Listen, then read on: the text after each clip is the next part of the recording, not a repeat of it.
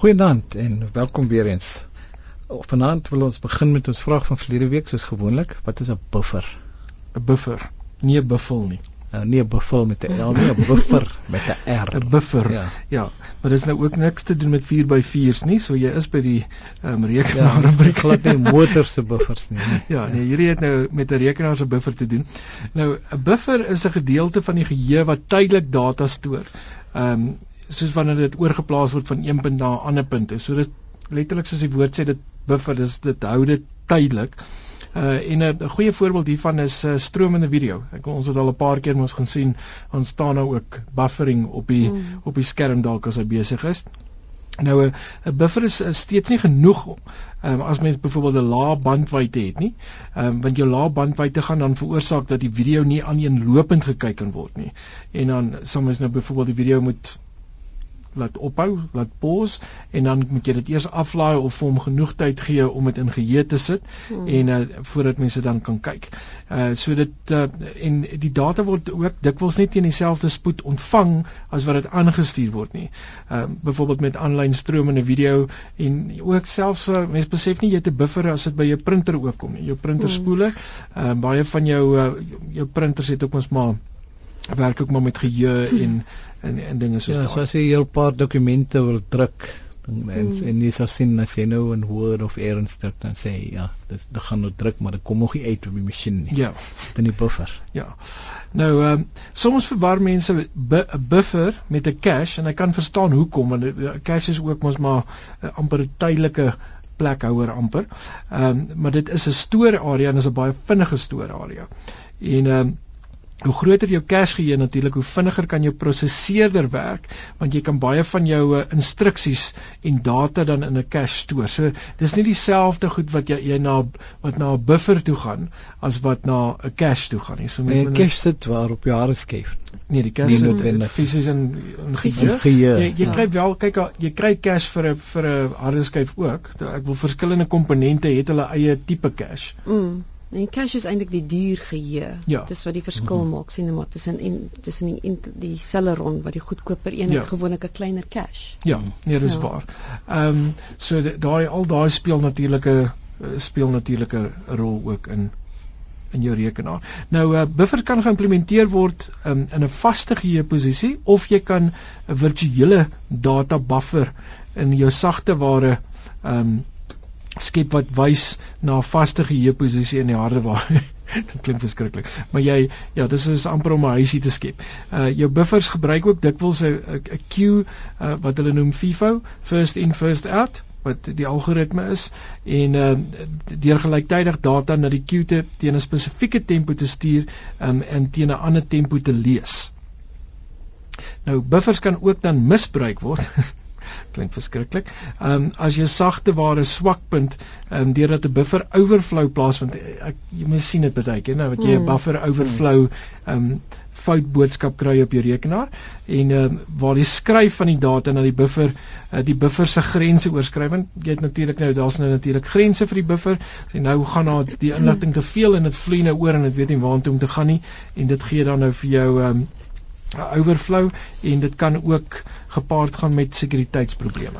Ja, jy sien baie keer dan moet jy 'n patch of 'n ding aflaai vir 'n buffer overflow um probleem Hmm. wat sien 'n maar 'n program is. Dis is nou deel van wat jy gelees het Harry. Uh, ja, ja, daar's En waar kan ons ander- luisteraars meer gaan lees? Ag, maar gewoonlik maar by Wikipedia. So en.wikipedia.org skynstreep wiki skynstreep data en 'n underscore buffer en dan ook by en.wikipedia.org skynstreep wiki en dan buffer underscore overflow. en hierdie webwerf sal op ons webwerf verskyn. Ja, gaan kyk gerus by www.rsg.co.za en gaan na Chalatay toe um, en lees meer oor um, waaroor ons gesels onder die um, rekenaarrubriek. En Wouter het vir ons geskryf. Jy kan ook vir ons skryf en uh, inligting deel soos Wouter Tik nou vir ons. Ja. Fakir wat fakir jy bly daar in toentertyd. Mense tik deesdae. maar stuur stuur gerus vir ons ook 'n e-pos ja, soos Wouter gedoen het na rekenaar by rsg.co.za. Nou ja, Wouter het toe wel vir ons getik. en hy hy stuur die volgende inligting oor breëband en bietjie interessant, nee, Ali. Ja.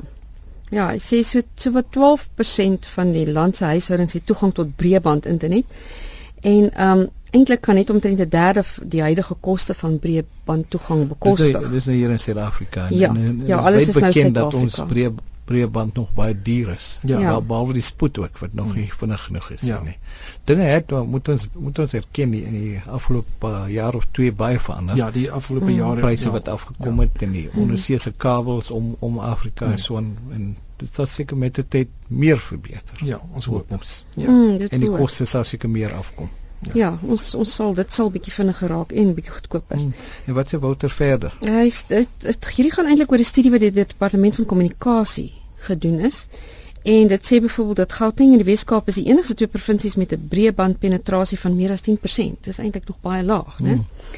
En ehm um, die regering het wel 'n uh, plan wat hy 'n breëbandplan um, om dan vinnige internetverbindings landwyd te probeer om dit sekerheid te maak en die strat die strategie ehm um, hulle beoog om teen 2020 'n 100% breëbandpenetrasie te hê. Hmm. So, Dit is nogal 'n bietjie van 'n omstrede uh, strategie en beginsel-beleid hmm. wat die uh, regering het, maar ja, ons hoop ons kom daarby. Ja, ja, ons hoop ons kan dit hmm. bereik teen 2020. En daar's so, baie meer nuttige inligting hieroor, né? Ja, ja, dit was 'n artikel wat op News24 verskyn het. Mm -hmm. En ehm um, die skakel ons ook weer 'n lang skakel snaakse. Ja, ons sal maar opsit op so, ons webwerf. Maar weer by RSG gaan kyk eerder. Mhm. Mm Rihanna het ook vir ons geskryf of getik wil. Gelukkig so stel mee. Rihanna het laat weet dat mense tyd spaar deur Buffer app te gebruik. Ja, en hierdie het nou absoluut niks te doen met die buffer wat nou, Paul van ek, gepraat het nie. Mm, hierdie is nou 'n ander buffer. hierdie is heeltemal 'n ander buffer, maar dis is eintlik nog 'n oulike programmetjie hierdie.